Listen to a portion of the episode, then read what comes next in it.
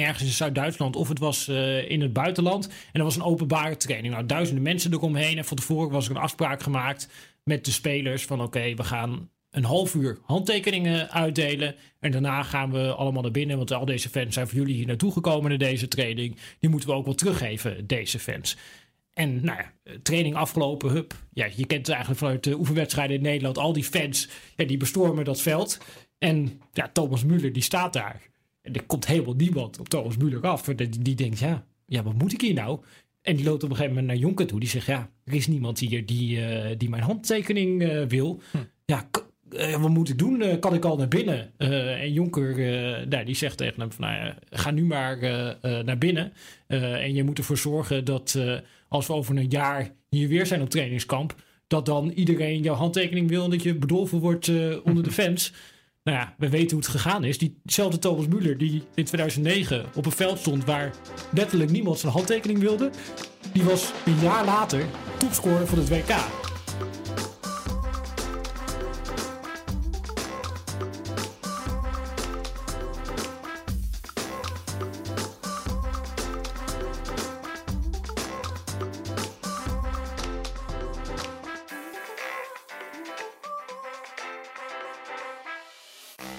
Scorebordjournalistiek in coronatijd. Ja, we gaan gewoon door bij Voetbal International. Zowel op de website, VI Pro, het magazine. Ja, specials, we liggen in de winkel.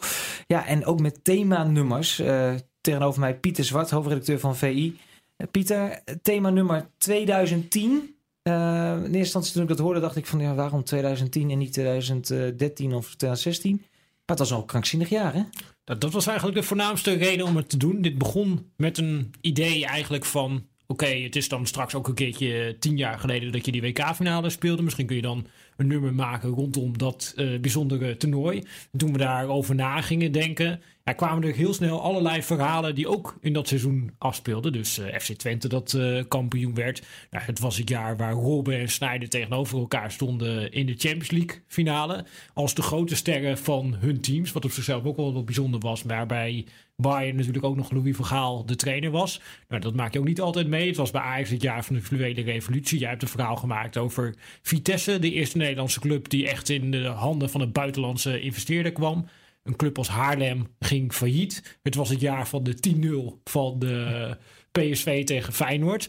Ja, wat dat betreft uh, een jaar waar de verhalen voor het oprapen lagen. Nou, we kwamen bijvoorbeeld ook nog dat verhaal tegen van uh, Sparta Excelsior.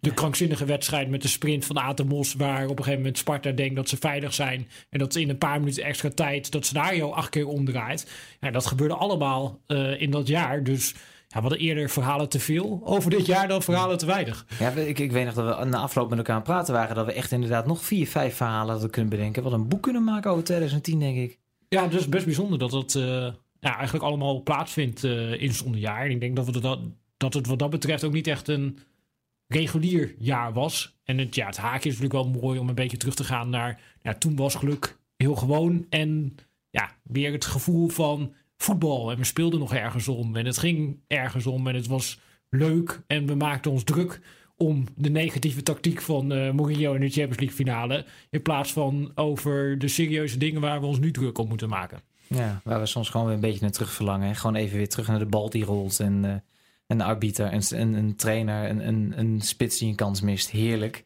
Uh, jij ging een verhaal maken en ik weet nog dat ik jou op voorhand sprak. dat, ik dacht persoonlijk dat jij een verhaal ging maken over Mark van Bommel. Die zowel met Bayern München als met het Nederlands elftal... Ja, eh, de finales van zijn leven speelde eigenlijk. Hè? Een Champions League finale met Bayern. Ja, en eh, de WK-finale. Dus ik denk van, nou, dat, dat, hier komt een verhaal aan. En ik heb het verhaal gelezen. En echt ontzettend leuk en interessant verhaal. Maar vrij weinig Mark van Bommel. Klopt, en dat was wel het uh, oorspronkelijke idee. Uh, mede omdat we Mark van Bommel bij toeval spraken toen we een verhaal aan het maken waren met uh, Bert van Marwijk. Wat trouwens ook in dit nummer staat over het WK 2010. Je, je zegt het toeval is dat je van Bommel spreekt als je met Van Marwijk afspreekt? Nou ja, die, die wonen dicht bij elkaar en het is uh, familie. Dus uh, nou, dan, dan, als je met uh, Van Marwijk zit, dan is de kans aanwezig dat Mark van Bommel langskomt. Maar nou, toen dachten we inderdaad van oké, daar zit op zich wel een verhaal in, in Mark van Bommel in dat seizoen. Dus Mark van Bommel gecontact. Die was in eerste instantie enthousiast. Die had zoiets van, nou ja, dat is inderdaad een bijzonder jaar geweest. En uh, misschien wil ik daar wel uh, over praten. Maar ook redelijk snel begon hij een beetje terug te krabbelen. Omdat hij zoiets had van... Ja, sinds mijn vertrek bij PSV ben ik bewust buiten de media gebleven, grotendeels. En ja, ik kies er eigenlijk voor om wat meer op de achtergrond uh, te blijven. Dus ja, echt als hoofdpersonen opgevoerd worden in een verhaal is misschien een beetje te veel in deze periode. En eigenlijk kwam vanuit hem de suggestie van, nou ja, misschien als je uh, wat anderen ook al spreken, dan misschien wil ik toch wel meewerken. En eigenlijk daar uh, is het startpunt van dit verhaal, namelijk, okay, er zit een hele Nederlandse clan bij uh, Bayern in dat jaar. Ja, wie kunnen we wel spreken en kunnen we op een andere manier een verhaal maken over ja, dat bijzondere jaar van Bayern?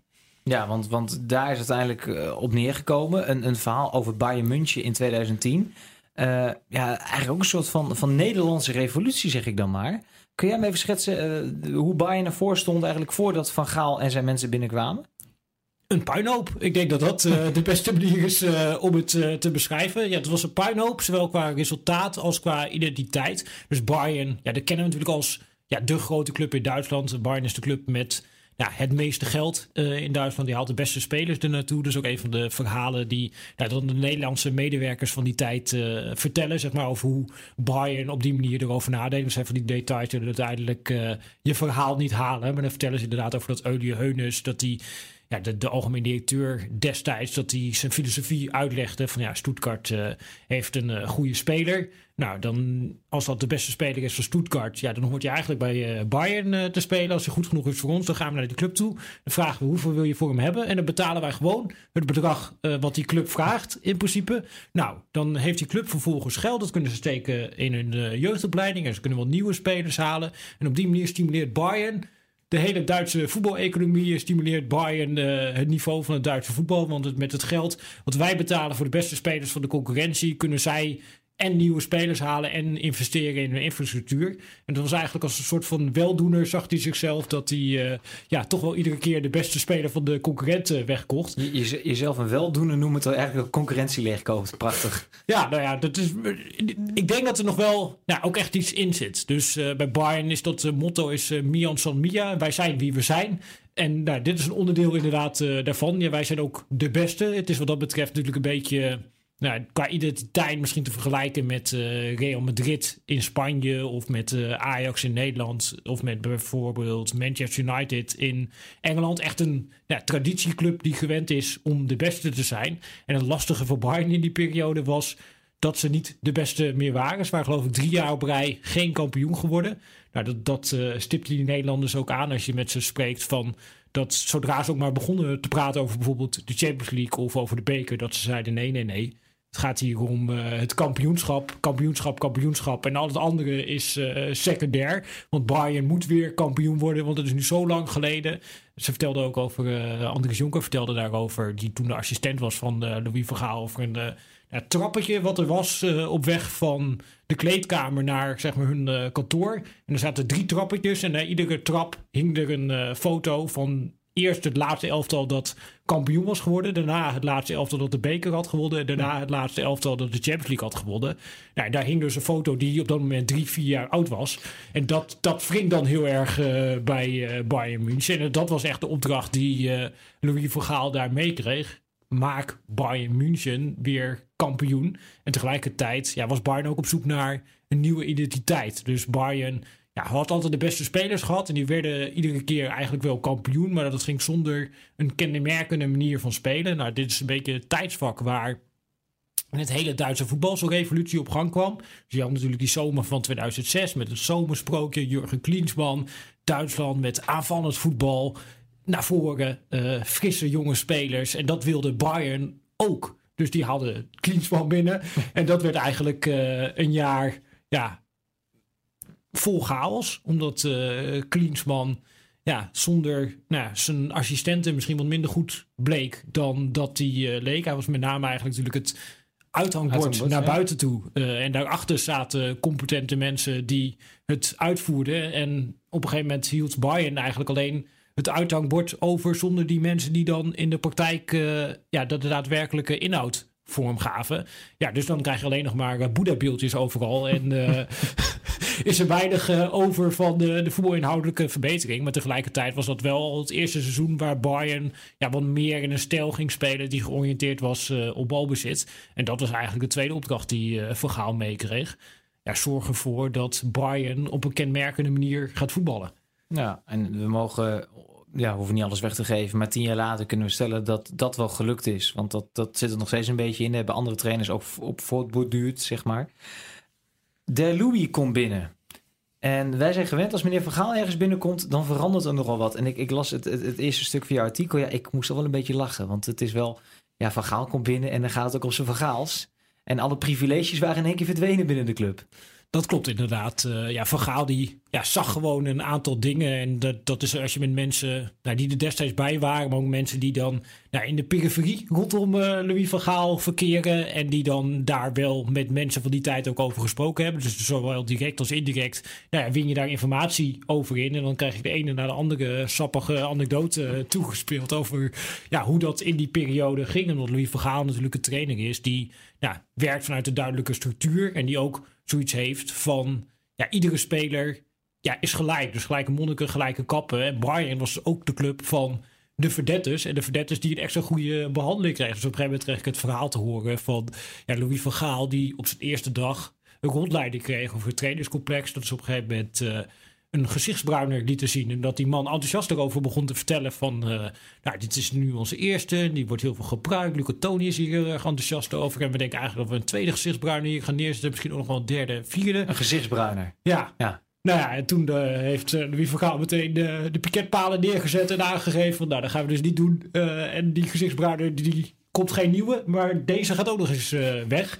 Ja, zo ging het met meer dingen. Dus ja, Vergaal hoort op een gegeven moment... oké, er is een, hier een soort van ja, teammanager, manager van alles... die dan ja, alles voor spelers regelde... tot aan dat ze met uh, pech met de auto langs de weg staan... en dat ze dan hem bellen en dat hij het dan regelt. Nou, dan zegt Vergaal niet... deze man moet weg. Maar Vergaal is dan wel degene die aangeeft richting spelers... van ja, iedere speler heeft hier een eigen verantwoordelijkheid... en die moet je wel nemen. En je kunt niet maar verlangen dat iemand alles voor jou oplost. En wat dat betreft uh, ja, was hij allerlei dingen aan het, aan het, wijzigen. Dus bijvoorbeeld ook het ontbijt. In Nederland is het heel gebruikelijk dat uh, als een selectie samen op trainingskamp is, dat je dan ook gezamenlijk uh, ontbijt. Of voor een training dat je gezamenlijk gaat ontbijten. Nou, bij Bayern was het beleid. Nou ja, er is ontbijt aanwezig tussen bij wijze van spreken 8 en 11. en zie maar of je langskomt en zie maar of je überhaupt langskomt.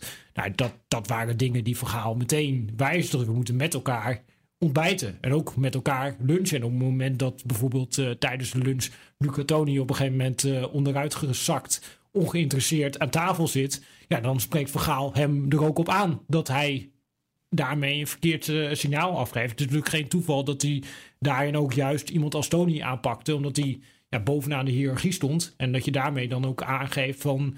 Ja, dit zijn de regels en deze regels gelden voor iedereen ook voor Luca Toni. Maar uh, nou, ook als je de citaten van Luca Toni achteraf uh, leest, maar ook eigenlijk al in die periode, ja, die, die beviel dat niet heel erg, nee. deze aanpak. Nee, nee dat, dat, herinner ik me ook nog. Maar het was eigenlijk een stukje Duitse uh, ja, duidelijkheid eigenlijk die verhaal terugbracht bij FC Hollywood. en om even op het voetbal inhoudelijke in te gaan. Herman Gerland vond ik een interessante naam die langskwam was mij redelijk onbekend, moet ik jou eerlijk bekennen. Uh, dat was een van zijn assistenten in de staf. En uh, volgens mij niet eens zozeer omdat de man het allemaal zag, maar ook vooral omdat Van Gaal naar hem luisterde, zijn een heleboel spelers doorgebroken. Zijn heel veel spelers zij hebben het wel gered die misschien anders niet gered hadden. Klopt. Je kunt natuurlijk makkelijk van Van een beeld schetsen als een man ja, die bijna wereldvreemd is en ergens binnenkomt en dan meteen al zijn regels gaat opleggen. Dus die zegt, ja, we gaan gezamenlijk ontbijten, we gaan dit doen en we gaan dat doen. En dat is de werkwijze van Louis Vergaal. De Louis Vergaal Bijbel leggen we op tafel en dit is het. Precies, maar tegelijkertijd is Louis Vergaal ook een man die nou, geïnteresseerd is in de omgeving waar hij terechtkomt en zich ook in die zin ook heel erg aanpast uh, aan de omstandigheden. Zeker in die fase van zijn carrière. Dus hij was natuurlijk een jaar daarvoor al bij AZ kampioen geworden. Ook met een speelstijl die wat meer ja, zoals hij dat later is genoemd, provocerende pressing gebaseerd was. Dus niet per se uh, op balbezit, niet per se 4-3-3, maar meer vanuit de omschakeling. En met de vrije rol van Mounier en wie eigenlijk allemaal dingen waarvan je voorheen zou zeggen, nou dat past niet bij Louis van Gaal. Maar Louis van Gaal ja, heeft zichzelf ook doorontwikkeld als trainer. Nou, en dat zag je dus ook als hij binnenkwam bij een buitenlandse club. Nou, wat Van Gaal dan deed, was altijd iemand die die club heel goed kende, en die ook de jeugdopleiding goed kende, ja, dicht bij zich nemen en dan eigenlijk op zijn kompas vertrouwen. En bij Bayern München was dat uh, kompas ja, Herman Gerland, die al een eeuwigheid bij die club rondliep, die ja, eigenlijk alle spelers kende. En uh, Andries Jonker uh, die vertelde een mooi verhaal over dat ja, Vergaal op een gegeven moment die Gerland aan het begin van het seizoen bij zich riep in de trainingskamer. En toen had hij van tevoren tegen Jonker gezegd: We gaan nu hem even uithoren. We gaan hem even bij iedereen in de selectie vragen ja, wat, wat hij daarvan vindt. Daar kunnen we later uh, ons voordeel mee doen. Plus dan hebben we meteen een indicatie van hoe goed hij eigenlijk uh, de kwaliteiten van spelers uh, kan inschatten. Nou, ik kan inmiddels vertellen dat Herman Gerland behoorlijk goed kwaliteiten van spelers kan inschatten. Want daar kwam bijvoorbeeld een naam als Thomas Müller voorbij. Nou, Thomas Müller had op dat moment vier korte invalbeurten, geloof ik, gehad onder Jurgen Klinsman. En nou ja, dus tot op de dag van vandaag, zoals je naar Thomas Müller kijkt, dan het is moeilijk om daarin de superster te zien uh, die hij uiteindelijk uh, toch wel geworden is. Maar Van Gaal die ging uh, aan die Gerland dus vragen van Thomas Müller. Nou, wat, wat verwacht je ervan? Dus die Gerland die begint ja, een hele complete speler. Kan eigenlijk overal in de voorhoede uit voeten. Kan in de spits, kan rechtsbuiten, kan linksbuiten. Die kan op nummer 10. Die kan als aanvallende middenvelder. Ja, eigenlijk kan hij al die posities bezetten. Zo, zo, zegt Van Gaal. Nou, dat is, dat is toch al wat, wat hij moeilijk kan. En hij zegt, nou, sterker nog... Ja, ik uh, denk dat deze Thomas Müller, dat hij niet alleen uh, bij Bayern het eerste gaat halen, maar die uh, komt ook in het Duitse nationale elftal. Dus Van Gaal die zegt, nou, dit is wel heel erg fors. Ja, hoe kom je daar nou bij dat die Thomas Müller, waar jij zo enthousiast over bent, dat hij zo goed is? Nou, die Gerland die zegt, nou, die Thomas Müller die heeft een kwaliteit ja, die niet heel veel spelers hebben. Maar als je die kwaliteit heeft, hebt, een speler, ja, dan kan je eigenlijk alles bereiken. De kwaliteit die Müller heeft, is dat hij altijd en overal doelpunten maakt. Uh, en als je dat uh, kan, dan kun je heel ver uh, komen. Redelijk essentieel. Ja, dus Vergaal die besluit nog maar een keertje door te vragen naar... hoe overtuigd ben je nou uiteindelijk van die jongen? En dan begint die Gerland te vertellen van... Ja, ik heb een weddenschap over Thomas Müller afgesloten met Uli Heunes, de toenmalige algemeen directeur. Nou, hij noemde het bedrag waar het om ging. En dat was echt uh, fors. En helemaal voor iemand als Gerland, die niet uh, topverdiener is, dat je denkt van nou, je legt hier wel een serieus uh, bedrag in de waagschaal. Over dat uh, Müller het zou redden, zowel bij Bayern als bij het Duitse nationale elftal. Dus ja, Van Gaal die zag dat gebeuren, die ding. Nou. Ik weet niet wat het is met die Thomas Müller, maar blijkbaar is dat dan toch wel een bijzonder type. En ze gingen zo die hele selectie door. Dan komt op een gegeven moment ook ja, Holger Badstuber voorbij. En eigenlijk hetzelfde verhaal. Dus uh, verhaal die vraagt, ja, wat is dat voor speler? Ja, linksbenige verdediger, uh, positioneel goed, heeft een goede inspeelpaas. Is alleen uh, niet zo wendbaar, niet zo snel. Beetje blessuregevoelig, maar best een complete speler. En nou, een beetje doorvragen en weer gaat de Duitse nationale elftal halen. En uh, gaat uh, Bayern uh, 1 halen. En Vergaal weer vragen, heb je dat ook om gewet? Ja, had hij ook om gewet. ook om zoveel geld. ja, en dat, dat, ja, die twee jongens, die hebben het uiteindelijk ja, helemaal waargemaakt. Omdat ja, Van Gaal ze de kans heeft gegeven om zich te ontwikkelen. En Jonker vertelde ook nog over dat ze op een gegeven moment in de voorbereiding... Ja, waren ze op trainingskamp ergens, ik geloof, of ergens in Zuid-Duitsland of het was uh, in het buitenland. En dat was een openbare training. Nou, duizenden mensen eromheen. En van tevoren was er een afspraak gemaakt met de spelers van oké, we gaan een half uur handtekeningen uitdelen. En daarna gaan we allemaal naar binnen. Want al deze fans zijn voor jullie hier naartoe gekomen naar deze training. Die moeten we ook wel teruggeven, deze fans. En nou ja, training afgelopen, hup. Ja, je kent eigenlijk vanuit de oefenwedstrijden in Nederland. Al die fans, ja, die bestormen dat veld. En ja, Thomas Müller, die staat daar. En er komt helemaal niemand op Thomas Müller af. Die, die denkt, ja, ja, wat moet ik hier nou? En die loopt op een gegeven moment naar Jonker toe. Die zegt, ja, er is niemand hier die, uh, die mijn handtekening uh, wil. Hm. Ja, uh, wat moet ik doen? kan ik al naar binnen? en Jonker, nou, die zegt tegen hem van, nou ja, ga nu maar naar binnen. en je moet ervoor zorgen dat als we over een jaar hier weer zijn op trainingskamp... dat dan iedereen jouw handtekening wil en dat je bedolven wordt onder de fans... Nou ja, we weten hoe het gegaan is. Diezelfde Thomas Müller die in 2009 op een veld stond waar letterlijk niemand zijn handtekening wilde. Die was een jaar later topscorer van het WK. Ja, dat zijn natuurlijk eh, ja, krankzinnige dingen die toen gebeurd zijn. En eigenlijk als je in de historische context plaatst, ja, dan zie je dat in die periode een stuk of vier, vijf jeugdspelers echt zijn doorgebroken. Want later dat seizoen ook nog David Alaba. Eh, Thomas Kraft die kreeg van Vergaal een kans en Contento. Nou ja, Contento en Kraft hebben het uiteindelijk niet waargemaakt. Maar toch drie spelers ja, die tot in lengte van dagen in eh Bayern hebben gespeeld. En als je dan de jaren daarna kijkt, ja, is er eigenlijk praktisch geen enkele jeugdspeler meer eh, doorgebroken. Er zijn amper spelers te noemen die meer dan vijf wedstrijden hebben gespeeld. Terwijl Van Gaal een training is geweest ja, die die kansen heeft gegeven. En ja, dat horen ook al die Nederlandse mensen nog terug als ze nog wel eens bij Bayern komen. Van ja, jullie namen ons serieus. Jullie luisterden naar ons. Jullie durfden die spelers kansen te geven. En jullie hebben op die manier ja, Bayern een eigen identiteit gegeven. En ook in die zin is dat wel echt een eh, ja, bepalend jaar geweest in ja, de ontwikkeling van Bayern. Dat op een gegeven moment ja, dreigde topclub af te zijn. En dat nu weer ja, de ploeg is die ja, de hele Bundesliga gewoon domineert. Ja, waarin wij in Nederland zeggen van... kan Ajax misschien het Bayern München van Nederland worden... om aan te geven hoe dominant een, een club kan zijn. En ik denk dat, dat de jonge generatie helemaal niet meer kan heugen... dat Bayern drie jaar lang geen landskampioen is geworden. Dat is gewoon dat, ja, ondenkbaar. Van Gaal komt daar binnen. Eh, begint, lees ik jouw verhaal, in een toch een soort van 4-4-2-formatie. Iets wat hij bij AZ ook eh, heeft gedaan.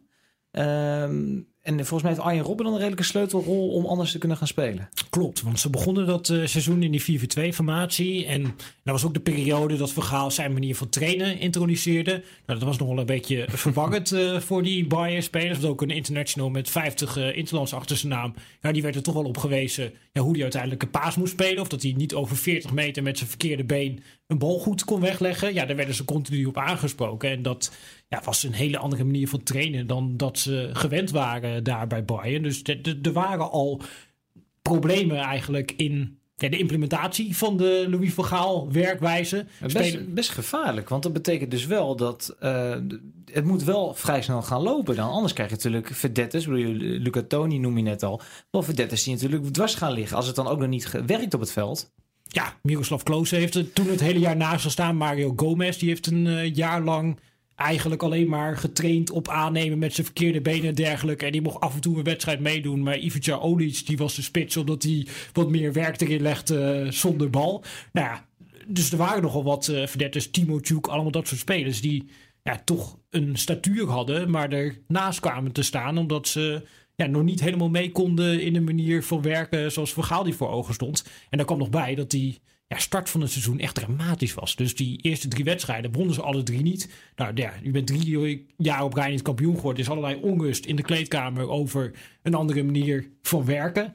En dan ja, win je ook nog eens de eerste drie wedstrijden niet. Ja, dan weet je bij een club als Bayern München. Ja, dan staat de druk maximaal uh, op. Eigenlijk al na drie wedstrijden. En dat was de periode dat uh, Van Gaal op een gegeven moment dacht. Ook omdat hij. Nou, hij zat met Frank Ribéry een beetje in zijn maag. Dus die ja, werd links op het middenveld gebruikt in de 4-4-2. Maar dat was niet echt een linker middenvelder. Hij heeft nog op een gegeven moment geprobeerd om die op 10 te zetten als een soort van tweede spits. Dat vond Ribéry eigenlijk ook niet fijn.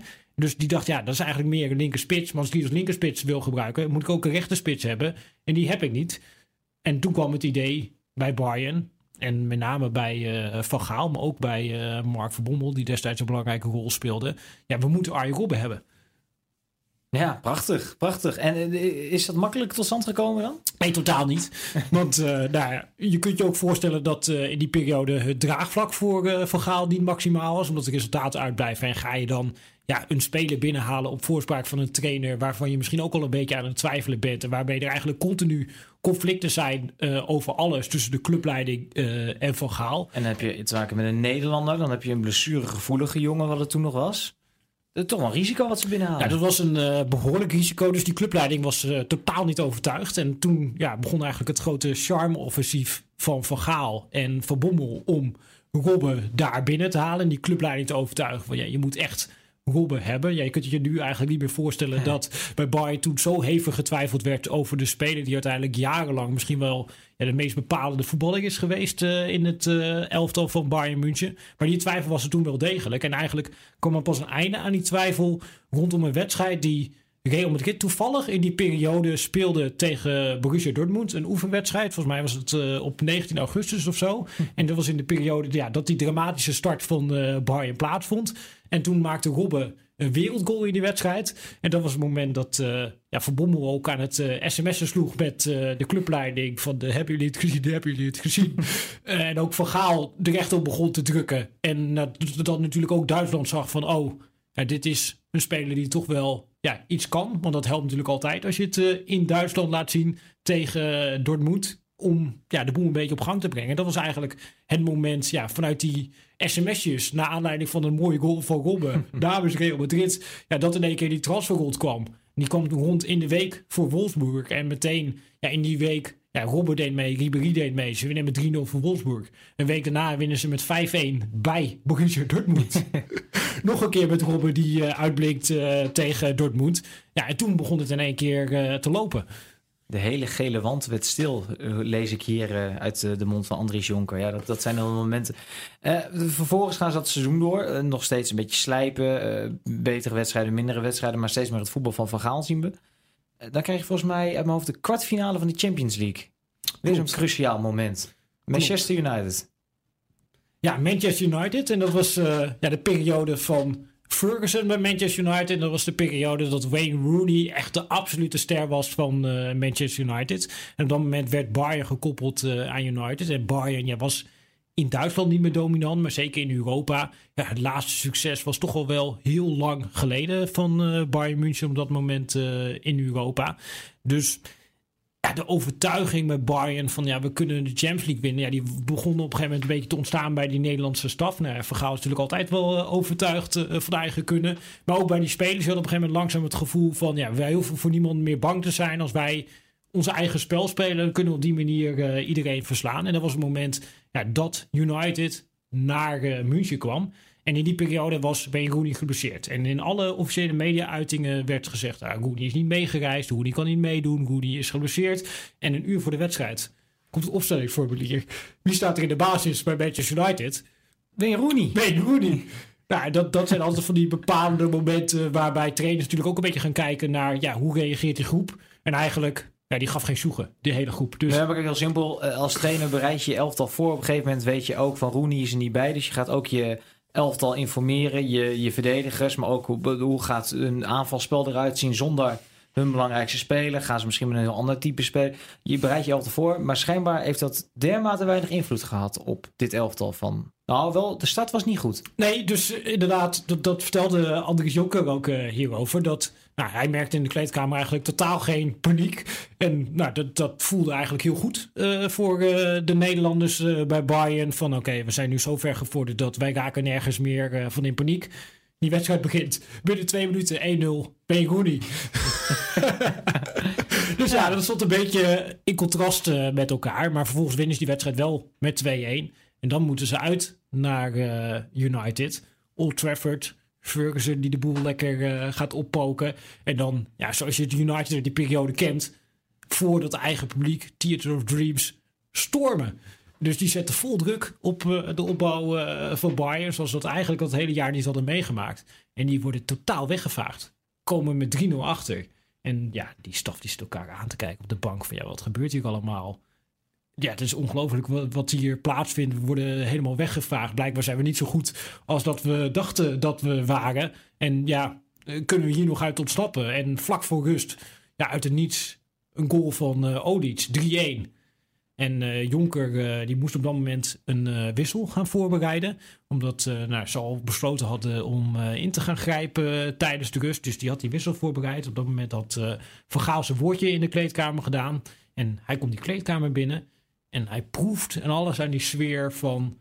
oh, dit is hier al omgeslagen en er is een enorme overtuiging in deze spelersgroep. Ook al dat ze helemaal weggevaagd zijn, meer dan terecht met 3-0 achter. Eigenlijk uit het niets een 3-1. Maar er was geen enkele reden om aan te nemen dat ze doorgingen. Maar iedereen daar dacht, ja, we kunnen dit uh, gewoon voor elkaar krijgen met elkaar. En ja, Philip Laam zat te schreeuwen van ga gewoon die volgende ronde halen. En Van Bommel riep dat. Ja, en in de tweede helft een totaal andere Bayern op het veld ja, snelle rode kaart voor uh, United.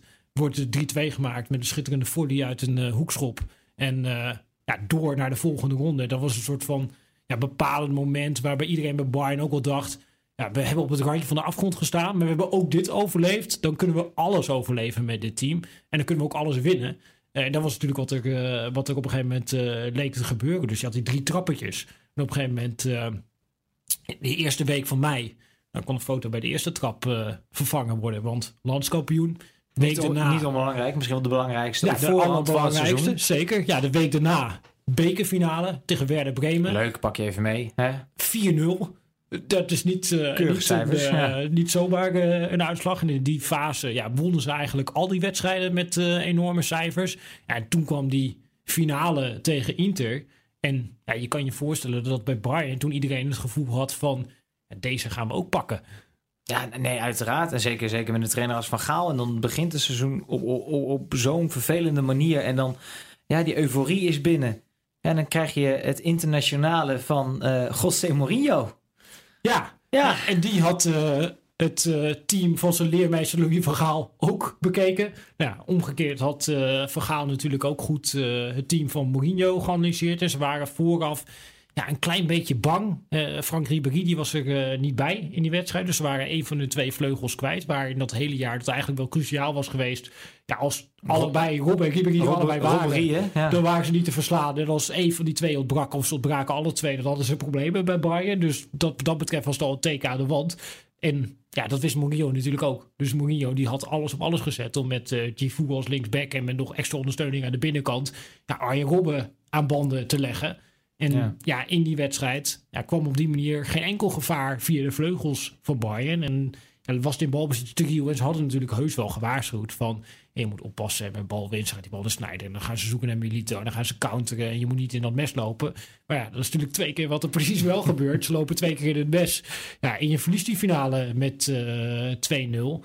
Ja, en wat dat betreft een ja, bitterzoet einde van een seizoen... wat historisch is geweest uh, voor Bayern. Omdat het ja, het moment was dat Bayern niet alleen weer terug was aan de absolute Duitse top. Maar dat het ook het jaar was waar nou, Bayern ook weer liet zien van... maar we kunnen dit ook in Europa. En we kunnen dit met een eigen stijl die geënt is op balbezit. En ook nog met eigen spelers uit de eigen opleiding.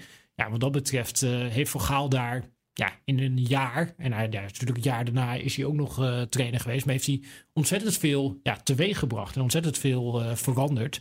Ja, wat dat betreft gewoon een heel bijzonder seizoen geweest voor Bayern. Ja, en in hoeverre hebben wij dan de roze bril op als we dit nou doortrekken naar richting 2020 en zeggen van daar is de basis gelegd voor misschien wel wat later iemand als Guardiola bijvoorbeeld is gaan doen daar. Is dat dan heel erg die Hollandse bril? Of uh, hebben we er echt wel een punt? Nou, ik denk dat daar wel een punt in zit. Dus wat dat betreft hebben we ook natuurlijk even gekeken naar... Goh, wat zeggen de cijfers erover? Nou, dan zie je dat in die jaren met Vergader... dat de eerste jaren waren... Hoewel Klinsman was wel een beetje de kentering, zeg maar... maar met echt heel veel balbezit en met echt heel veel pases. Nou ja, je kunt natuurlijk ook terugkijken naar dat elftal... wat we kennen als het succesvolle elftal van Bayern München. Nou ja... Philip Laan rechtsback. Voordat Vergaal kwam, was dat altijd een linksback. In Duitsland een hele discussie toen Vergaal die rechtsback ging zetten. En is daar nooit meer weg geweest als rechtsback. Nou, David Alema staat ook in het uh, verhaal. En die was toen 17. Vergaal die zette hem op zijn 17e in de achtste finale van de Champions League tegen Fiorentina. Cruciale wedstrijd. Hem er gewoon in. Nou, vervolgens deed Alaba op een gegeven moment... ik wil helemaal geen linksback spelen. Die, die, was opgeleid als middenvelder. Die komt naar Jonker toe. Die zegt, ik durf niet tegen de trainer te zeggen... maar ik wil eigenlijk geen linksback meer spelen. Nou ja, dan weet je wat er gebeurt onder Van Gaal. Geen uitzonderingen, zeker niet voor David Alaba. Dus uh, die ging een paar weken terug naar het tweede... om daar op het middenveld uh, te spelen. Want dat wilde hij graag. En die komt op een gegeven moment uh, schoorvoeten terug... van ik wil toch wel linksback spelen. nou ja, die is linksback gekomen. Die heeft de tien jaar daarna linksback gestaan bij Bayern. Nou, Badstuber heeft op een gegeven moment natuurlijk zoveel blessures gekregen... Nou, dat hij verdwenen is. Maar ook Thomas Müller, ja, door Van Gaal ingezet ja, jaren niet weg geweest. Robben Ribéry, een uitvinding uh, van Van Gaal. Schweinsteiger van Bobbel. En daarna natuurlijk de anderen die aan Schweinsteiger zijn gekoppeld. Ja, Schweinsteiger was een buitenste middenvelder voordat uh, Van Gaal kwam. En zo kun je dat hele elftal eigenlijk doorlopen. En ja, zie je bijna op iedere plek dat daar allemaal spelers in de kern zijn komen te staan die daar door Van Gaal zijn neergezet. Zoals ook het systeem waarmee Heinkes uiteindelijk de Champions League wint. Ja, dat verschilt hemelsbreed niet zo heel veel van het systeem wat Van Gaal speelde. Het was misschien iets directer, misschien iets meer geënt op de omschakeling, maar het was een doorvertaling van in plaats van dat het ja, totaal iets anders werkt. En ik denk dat als je teruggaat in de historie, maar dat zeggen ook mensen in Duitsland zelf, ja, dan kun je niet om dat jaar met Vergaal heen om te begrijpen hoe dominant Bayern in de jaren daarna is geweest. Zo fantastisch als je over nadenkt hoeveel kritiek er is geweest en hoeveel gedoe. Want dat is met Van Gaal nu eenmaal met, met clubleiding, met pers, met alles. En iedereen altijd is geweest. Maar dat je dan toch nog zo'n ontzettende nadruk kan leggen op zo'n grote club. Dat soms in één jaar tijd zo ontzettend veel kan veranderen. Ik, ik zal de mensen aanraden om naar vi.nl slash scorebordjournalistiek te gaan. Want dan kunnen ze dit uh, verhaal van uh, Pieter Zwart lezen. En overigens raad ik ook meteen aan om dan op VI Pro even een kijkje te nemen. En het magazine waar heel veel verhalen ja, uit 2010 te lezen zijn. Pieter heeft er net al een paar genoemd. Maar zijn er veel meer. Terug met Theo Jansen dus na het uh, succes van FC Twente bijvoorbeeld. En die van de Meij, dat volgens mij ook al een bijzonder seizoen dit jaar. Zeker. nou, een hele hoop verhalen om gewoon even lekker in, in onder te dompelen. Hey Pieter, even laatste vraag van deze scorebordjournalistiek. Want dat uh, interesseerde mij wel. Jij zegt dat die Herman Gerland, hè, die assistent, dat uh, dat die, die weddenschapjes had staan. Denk je nou dat hij niet meer van die weddenschappen had staan? De jongens die het nooit gehaald hebben? Ja, dat is natuurlijk uh, altijd het ding met dit soort mooie verhalen. Misschien had hij inderdaad nog vijf weddenschappen staan. Die, die gewoon die complete jeugd heeft hij gezegd. Ja, die gaat allemaal halen. Ja, of, of hij heel veel geld verloren. Ja, dat, dat, dat zou kunnen. Maar, nou ja, ik denk... Hij heeft het natuurlijk gedaan richting uh, Louis van Gaal. En die heeft het natuurlijk ook op die manier onthouden. En ik denk dat, dat Van Gaal en de staf van Van Gaal ook wel types zijn die... als je dingen verkeerd voorspelt, dat ze dat ook wel onthouden en je daar kunnen dragen.